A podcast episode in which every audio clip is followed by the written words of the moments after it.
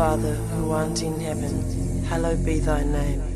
Thy kingdom come, thy will be done, on earth as it is in heaven.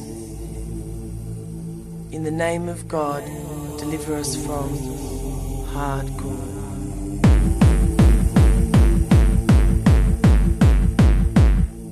Hardcore.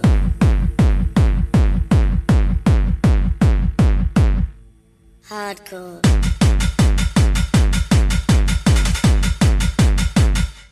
Hardcore.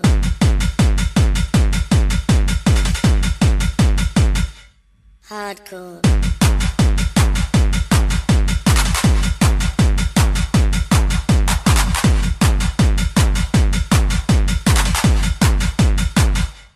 Hardcore.